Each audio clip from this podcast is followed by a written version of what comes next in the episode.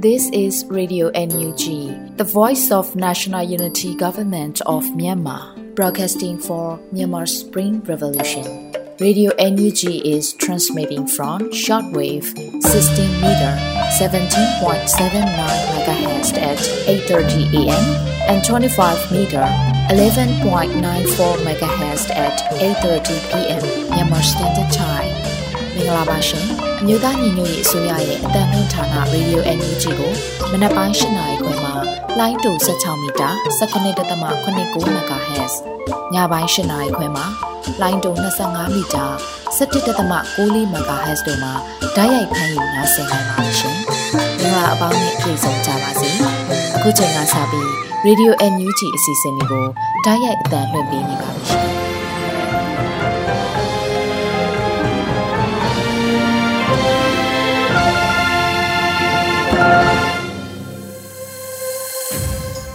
မင်္ဂလာနံနက်ခင်းပါရှင်ရေဒီယို NUG ကိုနားဆင်နေကြတဲ့မိဘပြည်သူများနဲ့မြန်မာနိုင်ငံသူနိုင်ငံသားအပေါင်းတဘာဝဘေးဆရာနာရှင်ဘေးတို့ကနေကင်းဝေးပြီးကိုစိတ်နှပြဘေးကင်းရန်ကွာရှိကြပါစေလို့ဆုတောင်းမေတ္တာပို့သလိုက်ပါတယ်ရေဒီယို NUG ရဲ့မနက်ခင်းအစီအစဉ်လေးကိုတင်ဆက်ပေးတော့မှာဖြစ်ပါတယ်အခုပထမအဆုံးအနေနဲ့ကာကွယ်ရေးဝန်ကြီးဌာနရဲ့စီရေးအသိအချင်းချုပ်ကိုတော့မျိုးအလင်ကမှဖတ်ကြားတင်ပြပေးမှာဖြစ်ပါတယ်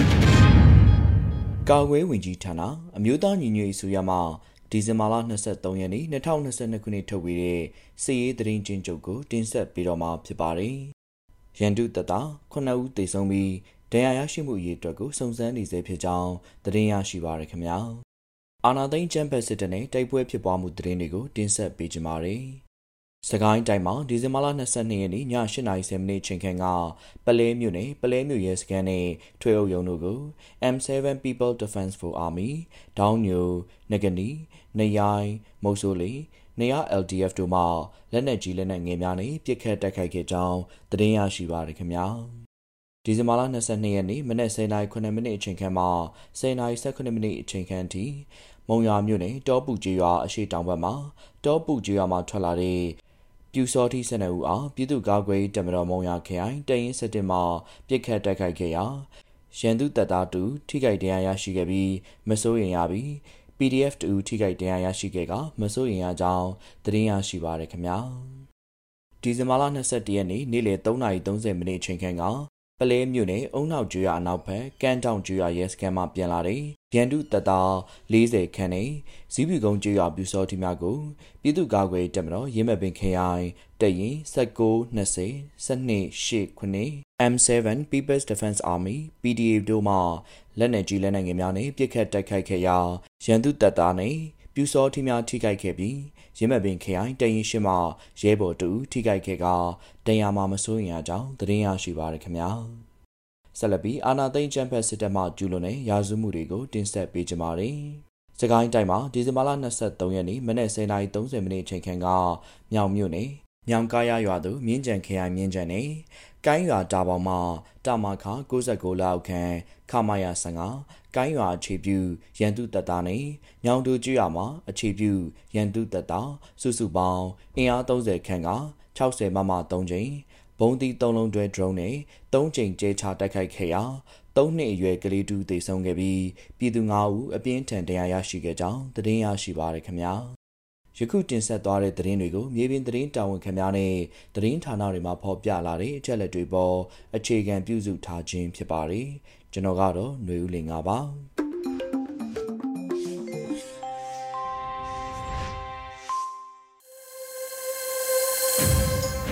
ခုဆက်လက်ပြီးနောက်ဆုံးရပြည်တွင်းသတင်းများကိုတော့မျိုးဦးမှမှတင်ပြပေးတော့မှာဖြစ်ပါတယ်။မင်္ဂလာမနက်ခင်းပါရှင်။2022ခုနှစ်ဒီဇင်ဘာလ24ရက်နေ့ Radio NUG နနက်ခင်းပြည်တွင်းသတင်းတွေကိုတင်ပြပေးသွားမှာဖြစ်ပါတယ်။ကျမကတော့မျိုးဦးမှမှ ပညာရေးအပြောင်းလဲနဲ့အတူလူမှုတော်လှန်ရေးကပါရှေ့ရှုကြဖို့ယာယီသမရဒူဝါလက်ရှိလတိုက်တွန်းတဲ့အကြောင်းအရာကိုတင်ပြပေးပါမယ်။ပညာရေးအပြောင်းလဲနဲ့အတူလူမှုတော်လှန်ရေးကပါရှေ့ရှုကြဖို့ယာယီသမရဒူဝါလက်ရှိလကတိုက်တွန်းလိုက်ပါတယ်။ဒီဇင်ဘာ23ရက်မိုးကုတ်ဖက်ဒရယ်ကျောင်းပညာရေးစုံညီပွဲတော်ခမ်းနားမှာမြို့သားညီညွတ်ရေးအစိုးရအဖွဲ့ယာယီသမရဒူဝါလက်ရှိလကပြောကြားခဲ့ပါတယ်။နာဂတ်တိုင်းပြည်တည်ဆောက်ရေးဟာပညာရေးမှာဗဟုချက်အဖြစ်လာဆုံးနေပါတယ်။နိုင်ငံရေးပြုပြင်ပြောင်းလဲရေးကအရေးကြီးတယ်လို့ ပညာရေးပြုပြင်ပြောင်းလဲမှုကိုလည်းအလေးထားလုပ်ကြရပါလိမ့်မယ်။နိုင်ငံရေးပြုပြင်ပြောင်းလဲမှုမှာပညာရေးအပြောင်းလဲလိုက်ပါမလာရင်လူဖွဲ့စည်းရဲ့မူကျင့်တဲ့အတွေ့အခေါ်အပြောင်းလဲကိုမလှုပ်ဆောင်နိုင်ပါဘူး။လူဖွဲ့စည်းရဲ့မူကျင့်တဲ့အတွေ့အခေါ်ပြောင်းလဲဟာနိုင်ငံသစ်တည်ဆောက်ရေးနဲ့အတူရှင်တွဲဖြစ်တည်ရပါလိမ့်မယ်။သို့မဟုတ်ရင်နိုင်ငံဟာအစိုးရတန်တရားတွေကိုပြန်ပြီးလှည့်ထွက်နိုင်ပါတယ်။ဒါကိုသတိပြုပြီးပညာရေးအပြောင်းလဲနဲ့အတူလူမှုတော်လှန်ရေးကိုပါရှေ့ရှုကြပါလို့တိုက်တွန်းလိုတယ်လို့ယာယီသမရကဆိုပါတယ်။ ဒါအပြင်မြန်မာနိုင်ငံရဲ့ပညာရေးဟာစေဝါဒဖြန့်ချီရေးပြဋ္ဌာန်းသင်ကြားချက်တွေဟာလွှမ်းမိုးခဲ့ပြီးတော့ဝေဖန်ပိုင်းခြားစီစစ်စဉ်းစားတဲ့အလေးအကျင့်အားနည်းခဲ့တယ်လို့ယာယီသမရကထပ်လောင်းဆိုပါတယ်ရှင်။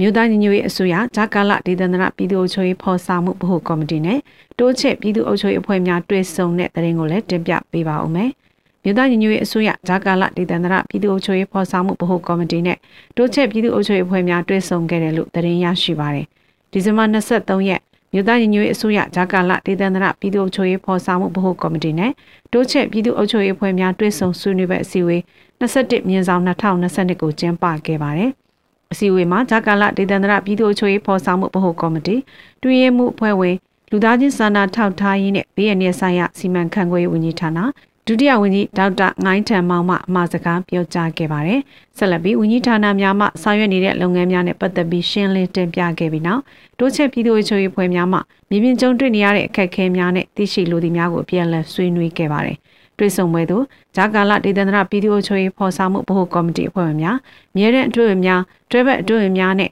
ဌာနဆိုင်ရာများမှတာဝန်ရှိသူများတိုးချက်ပြည်သူ့အချုပ်ရေးအဖွဲ့များမှတာဝန်ရှိသူများတက်ရောက်ခဲ့ကြပါတယ်ရှင်။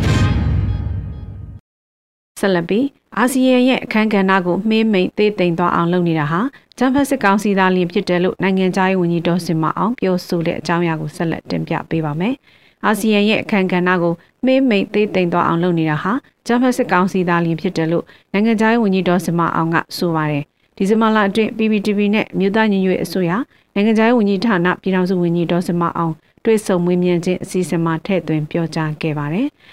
အာဆီယံဘုံသဘောတူညီချက်9ရက်ကိုအကောင့်ထဲမှာဖော်တာကစစ်ကောင်စီဖြစ်တယ်စစ်ကောင်စီကဘယ်သူမှဂရုမစိုက်ဘူးအာဆီယံကိုလည်းဂရုမစိုက်ဘူးသူလှုပ်ချင်ရလှုပ်မဲ့ဆိုတာဖြစ်တယ်အဲ့တော့အာဆီယံရဲ့အခမ်းကဏ္ဍကိုမင်းမိန်သေးတိမ်သွားအောင်လို့လုပ်နေတာကျန်းဖတ်စစ်ကောင်စီပဲဖြစ်တယ်ဆိုတာကိုအာဆီယံအနေနဲ့သဘောပေါက်ဖို့လိုတယ်လို့ဝန်ကြီးကဆိုပါတယ်။အာဆီယံဘုံသဘောတူညီချက်9ရက်ကို2021ခုနှစ်ဧပြီလတွင်သဘောတူညီခဲ့တော့လဲစစ်ကောင်စီဟာအပြစ်မဲ့ရသားများကိုဖမ်းဆီးတပ်ဖြတ်ခြင်းချုပ်နှောင်ခြင်းနဲ့ကြေးရွာများကိုမိရှုဖျက်ဆီးခြင်းများပုံမတိုးမြင့်လှုံ့ဆော်လာခဲ့ပါတယ်ရှင်။ဂျမ်ဖတ်စစ်ကောင်စီကဘာကတာများအဖွဲ့ချုပ်ကចောင်းသားများကိုနှစ်ရှည်ထောင်နှံများချမှတ်တဲ့တရင်ကိုလည်းဆက်လက်တင်ပြပေးပါမယ်။ဂျမ်ဘတ်စစ်ကောင်စီကဘာကတာများအဖွဲ့ချုပ်ကចောင်းသားတွေကိုနှစ်ရှည်ထောင်နှံတွေချမှတ်ခဲ့တယ်လို့တရင်ရရှိပါတယ်။ဒီဇင်ဘာ23ရက်မှာဗမာနိုင်ငံလုံးဆိုင်ရာចောင်းသားသမဂ္ဂများအဖွဲ့ချုပ်ကထုတ်ပြန်ဖော်ပြပါတယ်။ 2020မတ်လ2ရက်နေ့ကဖမ်းဆီးထိန်သိမ်းခြင်းခံလိုက်ရတဲ့ဘာကတာများအဖွဲ့ချုပ်ဗဟိုအမှုဆောင်အဖွဲ့ဝင်ဗန္နာယီမှုမတ်တီရီရတနာအပါဝင်မန္တလေးခရိုင်ចောင်းသားများသမဂ္ဂဘာကတာများအဖွဲ့ချုပ်ဥက္ကဋ္ဌဖြစ်သူကိုအောင်မျိုးကိုနဲ့မန္တလေးပညာရေးကောလိပ်ကျောင်းသားများသမဂ္ဂဘာကတာများအဖွဲ့ချုပ်မှုဆောင်ဟောင်းကိုကျော်စင်လက်တို့သုံးကိုဒီဇင်ဘာ23ရက်နေ့မှာဂျမ်ဘတ်စစ်အုပ်စုရဲ့အိုဘိုထောင်တွင်တရားရုံးကထောင်နဲ့22နှစ်စီချမှတ်ခဲ့ပါတယ်လို့ဖော်ပြပါတယ်။၎ င်းတို့သုံးမှာចောင်းသားတို့အခွင့်အရေးနဲ့ဆရာနာရှင်ဆန့်ကျင်လှုပ်ရှားမှုတွေမှာအစဉ်အမြဲဦးဆောင်ပါဝင်ခဲ့တဲ့ဘာကတចောင်းသားခေါင်းဆောင်များဖြစ်တော်လဲ။ဂျမစီအုပ်စုရဲ့ဂျမတိုက်ဖြည့်ဥပဒေပုံမှန်များနဲ့တရားစွဲဆိုခံခဲ့ရပြီးအမြင့်မားဆုံးပြည်ထံများဖြစ်တဲ့ပုံမှန်90ညအတွက်15နှစ်ပုံမှန်9နှစ်ကာကြီးအတွက်9နှစ်ဟုဆိုကစုစုပေါင်းထောင်နဲ့22နှစ်စီချမှတ်ခံခဲ့ရတာလည်းဖြစ်ပါတယ် ခုလက်ရှိဗမာပြည်ထောင်သီးဒီမှာနှစ်ရှည်ထောင်နဲ့များချမှတ်ခံထားရပြီးဖန်စီထိမ့်သိမ်းခံထားရတဲ့ဘာကတများအဖွဲ့ချုပ်ဖွဲ့ဝင်ကျောင်းသားရေပေါ်30ကျော်ရှိနေပါတယ်ရှင်။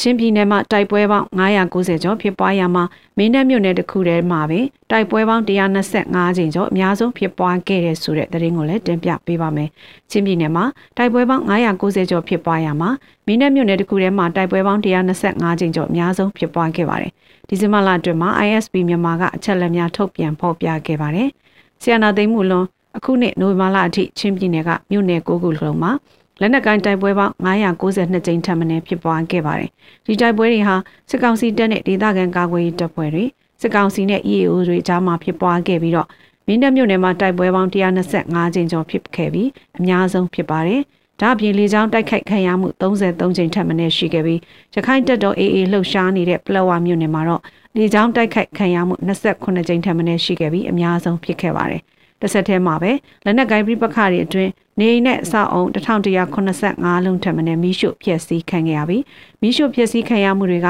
ထန်တလန်မြို့နယ်မှာအများဆုံးဖြစ်ခဲ့ပြီးအရေးအတွက်အားဖြင့်နေအိမ်အဆောက်အုံ1011လုံးထပ်မံရှိခဲ့တယ်လို့ဖော်ပြပါတယ်ရှင်။နမ်စီရီယမ်များရှိရာမုံရွာဆယ်မြောင်းရုံအနီးသို့တန်မိုင်းနဲ့ဖောက်ခွဲသတိပေးတဲ့တဲ့ရင်ကိုလည်းတင်ပြပေးပါမယ်။ နမ်စီရီယမ်များရှိရာမုံရွာဆယ်မြောင်းရုံအနီးသို့အတန်မိုင်းဖြင့်ဖောက်ခွဲသတိပေးခဲ့တယ်လို့သတင်းရရှိပါတယ်။ဒီဇင်ဘာ23ရက်မှာမုံရွာ People Sport Supporting မှအသိပေးဆိုပါတယ်။မုံရွာ People Sport Supporting မှဒီဇင်ဘာ23ရက်နေ့လယ်ခန့်က နန်စီရီယမ်များရှိရာဆယ်မြောင်းရုံအနီးသို့တန်မိုင်းဖြင့်ဖောက်ခွဲသတိပေးခဲ့တယ်လို့ဖော်ပြပါတယ်။ထိုဖောက်ခွဲသတိပေးမှုဟာမုံရွာ Road Information MRI ကတနှစ်ပြည့်အထိမ်းအမှတ်နဲ့အတူတော်လိုင်းကာလနှစ်နှစ်နီးပါးရောက်ချိန်ထိသွေးမအေးသေးကြောင်းပြသခြင်းဖြစ်တယ်လို့ဖော်ပြပါတယ်ရှင်။တပြင်းမြို့နယ်အေးတာရပြန်ကြကြည်ရွာနှစ်ရက်ဇက်တိုက်မိရှုဖျက်ဆီးခံရကပြည်သူ၃ဦးထပ်မံတက်ခံထားရဆိုတဲ့သတင်းကိုလည်းတင်ပြပေးပါမယ်။စကိုင်းတိုင်းတပြင်းမြို့နယ်အေးတာရပြန်ကြကြည်ရွာ နှစ်ရက်ဆက်တိုက်မိရှုဖျက်ဆီးခံရပြီးပြည်သူသုံးထပ်မင်းအသက်ခံထားရတယ်လို့သတင်းရရှိပါတယ်။ဒီဇင်ဘာ23ရက်မှာတပြင်းမြို့နယ်ညီနောင်များအဖွဲ့ကအတည်ပြုဆိုပါတယ်။တပြင်းမြို့နယ်အေးသားရပြန်ကြကြေးရွာကိုစစ်ကောင်စီတပ်ကထပ်မံမိရှုဖျက်ဆီးနေပါတယ်။မနေ့ကလေးကအေးသားရပြန်ကြကြေးရွာသို့အကြမ်းဖက်များဝင်ရောက်မိရှုနေခြင်းဖြစ်ပြီးပြည်သူသုံးထပ်မင်းအသက်ခံထားရကြောင်းလည်းစိတ်မကောင်းစွာကြားသိရပါတယ်လို့ဆိုပါတယ်။ပြည်သူနှစ်ဦးကလက်ပြန်ကျိုးတုတ်ကမိရှုတပ်ဖြတ်ထားပြီးတအူးမှာကင်းမုံနဲ့တွေ့ကပြစ်သက်ခံရတယ်လို့ဖော်ပြပါတယ်ရှင်။ TGYR LPDF မှာ R2 ခေါ်အသေးစားအမြောက်ကိုထုတ်လုပ်အောင်မြင်၍စမ်းသပ်ပစ်ခတ်တဲ့အကြောင်းအရာကိုလည်းတင်ပြပေးပါမယ်။ TGYR LPDF မှာ R2 ခေါ်အသေးစားအမြောက်ကိုထုတ်လုပ်အောင်မြင်စမ်းသပ်ပစ်ခတ်ခဲ့ပါတယ်။ဒီဇင်ဘာလအတွင်းမှာ TGYR Red Guerrilla Counter Revolution LPDF မှာအသေးပေးဆိုပါတယ်။ DGYR LBDF မှအောင်မြင်စွာပြုလုပ်စမ်းသပ်သော R2 ခေါ်အသေးစားအမြောက်ကိုပြုလုပ်နိုင်ခဲ့ပါတယ်လို့ဆိုပါတယ်။ဆိုပါအသေးစားအမြောက်နဲ့မကြမီတိုက်ပွဲဝင်ဆင်နွှဲမယ်လို့လည်းအသိပေးဆိုပါတယ်။ DGYR Jet Guerrilla Counter Revolution LPDF ဟာဆီယနာရှင်ကိုခုခံတွန်းလှန်နေတဲ့တော်လိုင်းအင်အားစုလည်းဖြစ်ပါတယ်ရှင်။ကလေးမြို့ရေလဲဦးကျေးရွာမှာ GDC တို့တွားသည့်စစ်ကောင်စီတပ်သားများအား Mine Team ဘွဲသားများနဲ့ PDF ကလေးပူပေါင်းတပ်ဖွဲ့များမှမိုင်းဆွဲတိုက်ခိုက်ရာ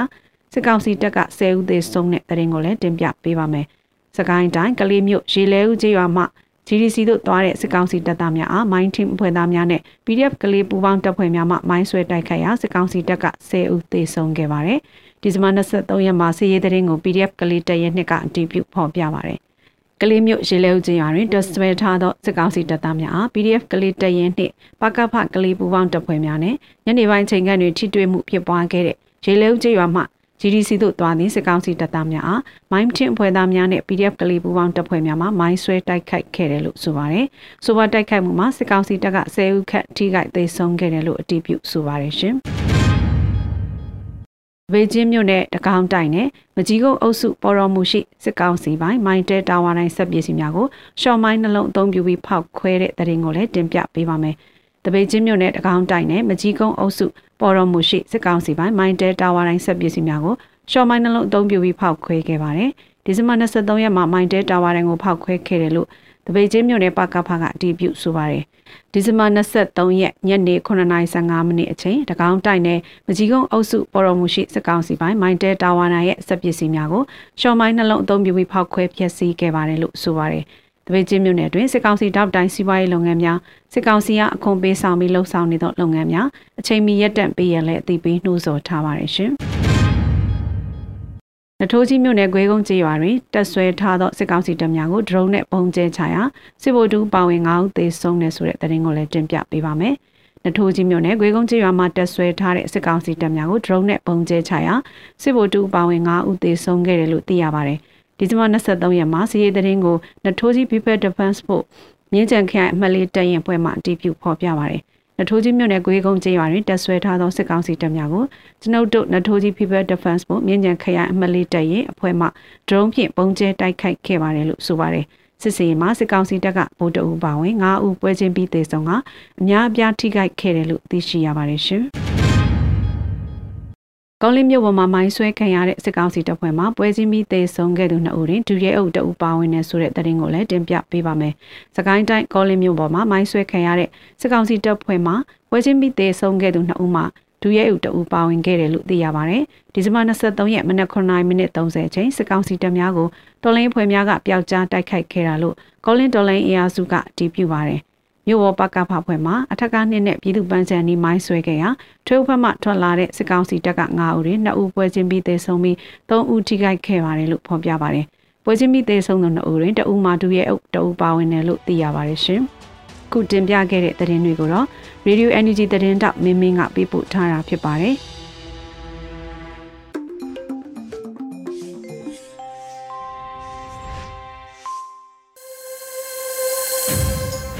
ရေဒီယိုအန်ယူဂျီမှဆက်လက်အသံလွှင့်ပေးနေပါတယ်။အခုဆက်လက်ပြီးပြည်သူခုခံစစ်သတင်းများကိုတော့မင်းနိုင်နေဦးမှဖတ်ကြားတင်ပြပေးမှာဖြစ်ပါတယ်။ပထမဦးစွာမုံရတောဖို့ကျေးရွာအနီးတွင်တိုက်ပွဲဖြစ်ပွားတဲ့သတင်းတင်ဆက်ပါမယ်။မုံရမြို့နယ်တောဖို့ကျေးရွာအိုးတော်ပေါ10မြောင်းအနီးတွင်စစ်ကောင်စီလက်ပါစီပြူစောတိ35ဦးခန့်နှင့်ပြည်သူ့ကာကွယ်ရေးပူးပေါင်းတပ်တွေတိုက်ပွဲပြင်းထန်ခဲ့ပြီးအကြမ်းဖက်စစ်ကောင်စီနှင့်ပြူစောတိ9ဦးထိခိုက်ဒဏ်ရာအများပြားရရှိခဲ့ကြောင်းနှင့် တိုက်ပွဲအတွင်း40မမ9လက်အမေလေးလက် KA တလက်ရှော့ကန်လက်လုတ်ဆယ်လက်တို့ဖြင့်ပြစ်ခတ်တိုက်ခတ်ခဲ့ခြင်းဖြစ်ကြောင်းတိုက်ပွဲဖြစ်ပွားခြင်းနိုင်ဝက်ကန်ကြာမြင့်ခဲ့ကြောင်းအကြမ်းဖက်စစ်ကောင်စီ၏ဗတ်စုံမွေးမြူရေးချမ်းမှာတက်ကူမြလာရောက်ပြီးစစ်ကူပြစ်ခတ်သဖြင့်လင်းမြန်စွာပြန်လည်ဆုတ်ခွာလာခဲ့ကြောင်းပူပေါင်းတပ်တွေဘက်ကထုတ်ပြန်ထားပါတယ်တိုက်ခိုက်မှုအတွင်းဒဏ်ရာရရှိသွားသည့်အကြမ်းဖက်စစ်ကောင်စီတပ်ဖွဲ့ဝင်များနှင့်ပြူစောတိများကိုတောက်ဖို့ကျေးရအတွင်း ပြန်တည်သွားပြီးအိမ်စီကားသုံးစီဖြင့်မုံရွာသို့ပို့ဆောင်သည်ကိုသိရှိရကြောင်းနှင့်ပြည်သူ့ကာကွယ်ရေးအဖွဲ့များဘက်မှရဲဘော်နှစ်ဦးလက်နက်ကြီးထိမှန်ကမစိုးရိမ်ဒဏ်ရာရရှိခဲ့ကြောင်းသိရှိရပါတယ်။ဆက်လက်တင်ဆက်မှာကတော့မြိုင်တွင်စစ်ကောင်စီတပ်ဖွဲ့ကိုဒရုန်းဖြင့်ဘုံကျဲတိုက်ခိုက်တဲ့တဲ့ရင်မှာမကွေးတိုင်းမြိုင်မြို့နယ်မြောက်ဘက်တွင်အကြမ်းဖက်စစ်ကောင်စီများရဲများပြူစောတင်များလုံခြုံရေးတာဝန်ချိန်တွင်ဖဲဝိုင်းလောင်ကစားပြုလုပ်နေကြောင်းသိရှိရ၍ မြိုင်ပြည်သူ့ကာကွယ်ရေးတပ်ဖွဲ့ကဒရုန်းဖြင့်ဘုံကျဲတိုက်ခိုက်ခဲ့ကြောင်းမြိုင်ပကဖတရင်တစ်မှခေါင်းဆောင်ဗိုလ်လက်ရာကပြောပါတယ်ဒီဇင်ဘာလ22ရက်နေ့လယ်ပိုင်းတွင်စစ်ကောင်စီတပ်ဖွဲ့ဝင်များဖဲကစားနေစဉ်မြိုင်ပကဖတရင်တစ်တက်ခွဲသုံးမှဒရုန်းဖြင့်အီလန်ကာနှလုံးဖြုတ်ချတိုက်ခိုက်ခဲ့ကြောင်းပထမနှလုံးဖြုတ်ချတိုက်ခိုက်ရာတွင်စစ်သားတအူရဲနှစ်ဦးနှင့်ပြူစောတိနှစ်ဦးထိခိုက်ဒဏ်ရာရရှိခဲ့ပြီး၎င်းတို့ကိုမြိုင်စစ်ရုံသို့ပို့ဆောင်ကုသရန်အတွက် နာယကနှစ်စီဖြင့်တည်ဆောင်သွားကြောင်းဒေသခံကာကွယ်တပ်ဖွဲ့များထံမှသိရပါဗျ။ရည်တကြိုထမင်းချောင်းကျေးရွာအနီးတိုက်ပွဲတွင်စစ်သား3ဦးသေဆုံးတဲ့တဲ့ရင်ဆက်လက်တင်ဆက်ပါမယ်။မကွေးတိုင်းရည်တကြိုမြို့နယ်ထမင်းချောင်းကျေးရွာအနီးတွင်ယမန်နေ့ဒီဇင်ဘာလ22ရက်နေ့တွင်တိုက်ပွဲဖြစ်ပွားခဲ့ပြီးအကြမ်းဖက်စစ်ကောင်စီတပ်သား3ဦးသေဆုံးကြောင်းပြည်သူ့ကာကွယ်တပ်ဖွဲ့ရည်တကြိုထံမှသိရှိရပါဗျ။ရည်တကြိုမြို့နယ်ထမင်းချောင်းကျေးရွာမှာရွာသားအေးကျေးရွာဘက်သို့ အင်အား80ဖြင့်စစ်ကြောင်းထိုးလာတဲ့စစ်တပ်ကိုဒီဇင်ဘာလ22ရက်မွန်းလွဲ2နာရီခန့်မှစ၍ညနေ4နာရီခန့်အထိ2နာရီခန့်ကြာအောင်တိုက်ခတ်ခဲ့ကြောင်းအကြမ်းဖက်စစ်သား3ဦးသေဆုံးပြီး2ဦးထိခိုက်ဒဏ်ရာရရှိခဲ့ခြင်းမှာနောက်ဆုံးအနေနဲ့ကိုကန့်တွင်စစ်ကောင်စီတပ်၏လက်နက်ခဲယမ်းများတင်စီရမိတဲ့သတင်းတင်ဆက်ပါမယ်။ရှမ်းပြည်နယ်ကိုကန့်ဒေသနက်ဖာတောင်အနီးတွင်မြန်မာမျိုးသားဒီမိုကရက်တစ်မဟာမိတ်တပ်မတော် NNDA က နာမည်ရှင်းလင်းဆောင်ရွက်ရာစစ်ကောင်စီတပ်၏လက်နက်ခဲယမ်းများတင်စီရမိကြောင်းတပ်ကိုကန်ကသတင်းထုတ်ပြန်ထားပါတယ်။ဒီဇင်ဘာလ22ရက်နေ့တွင်မြန်မာအမျိုးသားဒီမိုကရက်တစ်မဟာမိတ်တပ်မတော် NNDA ကတိုက်ပွဲများဖြစ်ပွားခဲ့သောနတ်ဖာတောင်အနီးတွင်နာမည်ရှင်းလင်းဆောင်ရွက်ရာစစ်ကောင်စီတပ်၏တနက်တလက်ကြီးများ RPG များအီလန်ကာများအမြောက်ကြီးစံများအပါအဝင်လက်နက်ခဲယမ်းများစကားပြောစက်များတင်စီရမိခဲ့တာပါ။ စစ်ကောင်စီတပ်၏လက်နက်ခဲယမ်းပစ္စည်းများသိမ်းဆည်းရမိသောနေရာသည်နိုဝင်ဘာလ28ရက်နေ့နှင့်29ရက်နေ့တို့တွင်တိုက်ပွဲများပြင်းထန်စွာဖြစ်ပွားသည့်နေရာဖြစ်ပြီး NNDA ၏တိုက်ခတ်မှုကြောင့်စစ်တပ်ကအထိနာသဖြင့်တေဆုံးမှုများစွာဖြင့်ထွက်ပြေးသွားသည့်နေရာဖြစ်ကြောင်းသိရှိရပါတယ်ခင်ဗျာ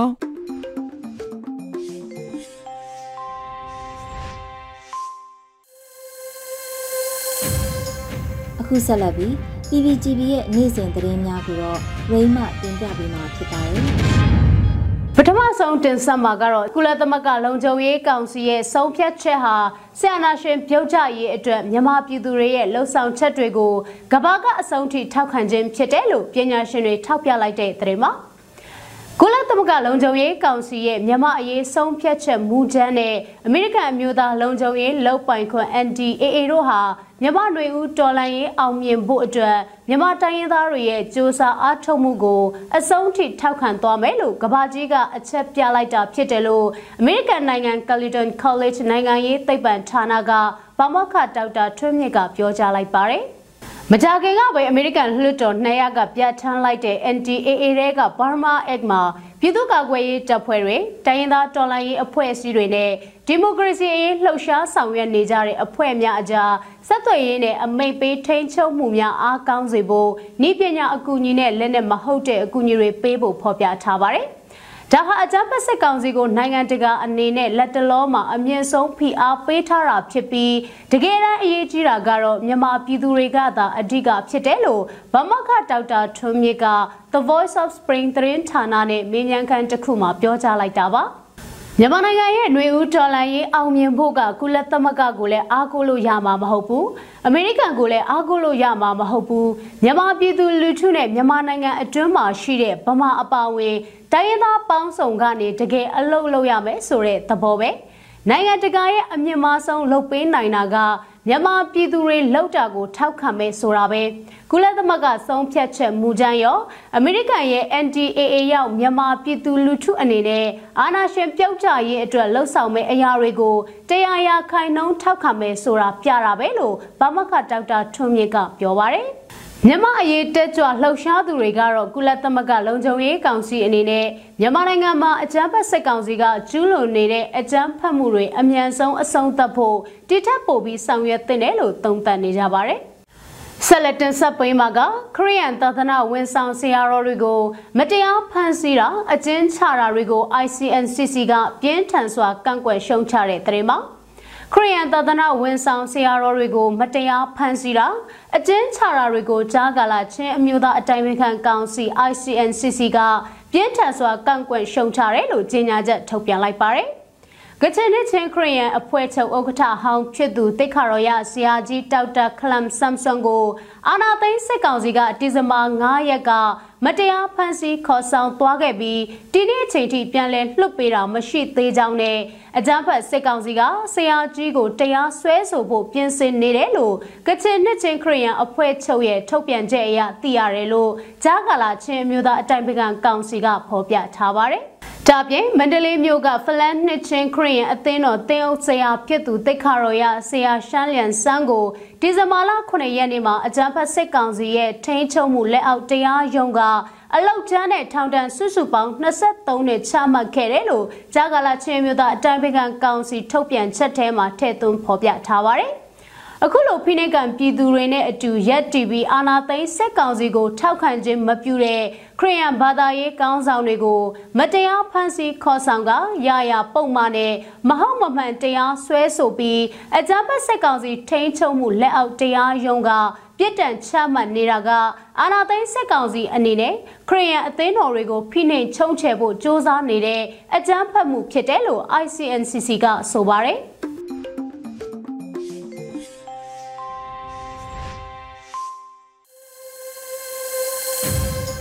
ဗီဒီယိုအန်ယူဂျီရဲ့တိုင်းရင်းသားအစီအစဉ်မှာတော့ချိုချင်းဘာသာစကားခွဲတစ်ခုဖြစ်တဲ့တိုင်းဘာသာနဲ့သတင်းထုတ်လွှင့်မှုကိုနားဆင်ရမှာဖြစ်ပါတယ်။ဒီအစီအစဉ်ကိုတော့ဗီဒီယိုအန်ယူဂျီနဲ့ချိုချင်းဘာသာစကားထုတ်လွှင့်မှုအဖွဲ့တို့ပူးပေါင်းတင်ဆက်ထားတာဖြစ်ပါတယ်။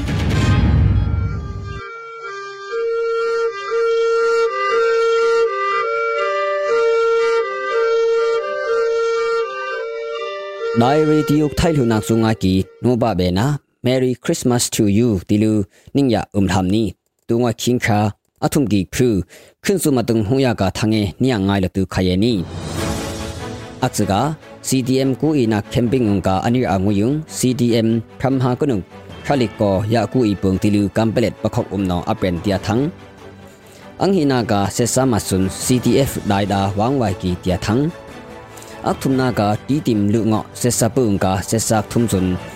bi ningai khayeni အခုနာကခလာယာနှိခွန်လီုံကဆက်ဆာ မတ် CDF မင်တတ်ဒါလီပုတ်စေပွီလူဝမ်ဝိုင်ကီတျာထန်းအမ်ဟာနာကောင်ဆန်းစုကြည်ထွတ်ဘေဝိုင်ပုကီယာပပေဖုမခနာကေဆွန် UN Security Council နော်ခူအမ်ခါတျာထငေညငိုင်ခယေကကီနီကမ်ဘလက် CDM ယာကူအီဝိုင်ကမ်ပင်းငုံကာအနီအာငွေယုံ CDM ဘီကေယာကူအီနီတီလူကမ်ဘလက်ပခောက်ဥပနောခင်းခါအမ်ကု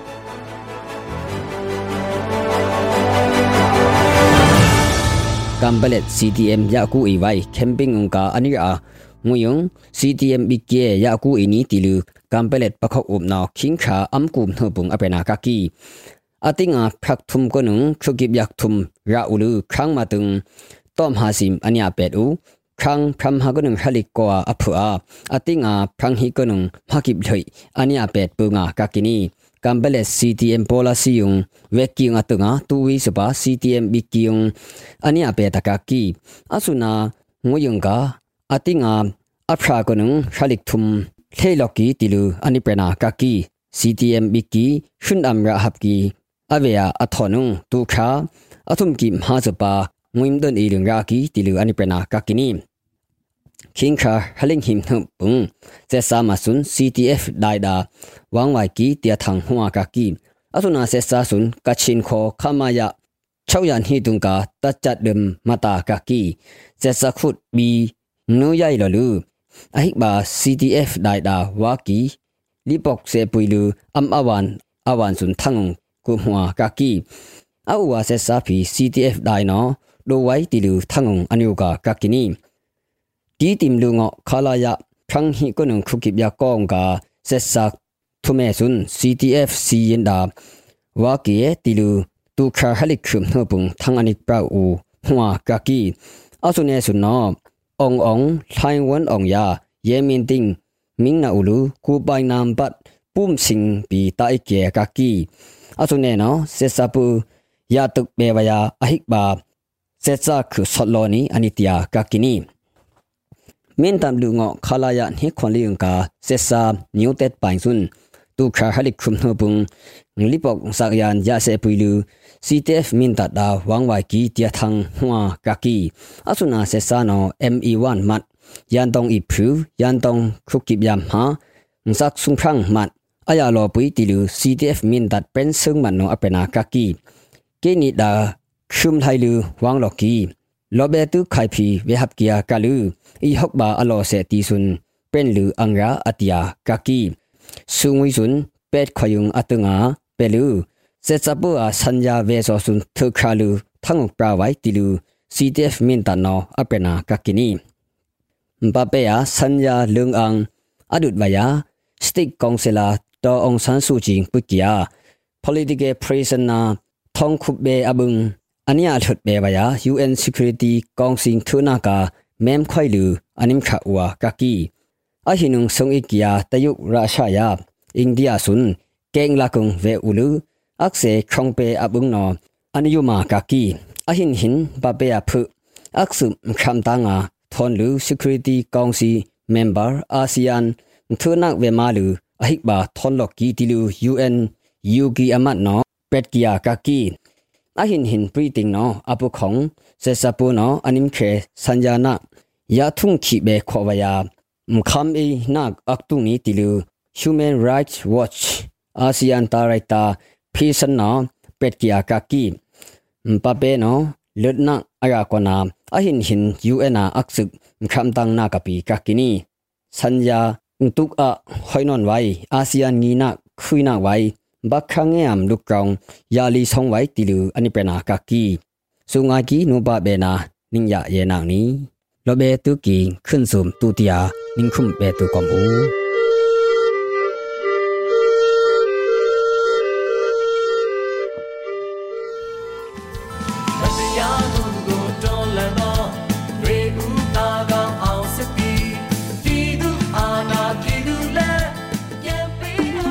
ကနေ့ကတော့ဒီညနဲ့ပဲ Radio NUG ရဲ့အစီအစဉ်လေးကိုခਿੱတရနာလိုက်ပါမယ်ရှင်။မြမစံတော်ချိန်မနက်၈နာရီခွဲနဲ့ည၈နာရီခွဲအချိန်တွေမှာပြန်လည်ဆုံတွေ့ကြပါစို့။ Radio NUG ကိုမနက်ပိုင်း၈နာရီခွဲမှာလိုင်းတူ16မီတာ19.8 MHz ညပိုင်း၈နာရီခွဲမှာလိုင်းတူ25မီတာ17.6 MHz တို့မှာဓာတ်ရိုက်ဖမ်းလို့နိုင်စေနိုင်ပါပြီ။ မြန်မာနိုင်ငံသူနိုင်ငံသားတွေကိုစိတ်နှပြကျန်းမာချမ်းသာလို့ဘေးကင်းလုံခြုံကြပါစေလို့ Radio NUG အဖွဲ့သူဖွဲ့သားတွေကဆုတောင်းမြတ်တာပို့တာနေပါတယ်ရှင်။မြေသားညီမတွေအစိုးရရဲ့စက်တော်ရင်သတင်းအချက်အလက်တွေလူပညာဝန်ကြီးဌာနကထုတ်လွှင့်နေတဲ့ Radio NUG ဖြစ်ပါတယ်။ San Francisco Bay Area အခြေစိုက်မြန်မာမိသားစုတွေနဲ့နိုင်ငံတကာကစေတနာရှင်တို့အားပေးနေတဲ့ Radio NUG ဖြစ်ပါတယ်။အရေးတော်ပုံအောင်ရမည်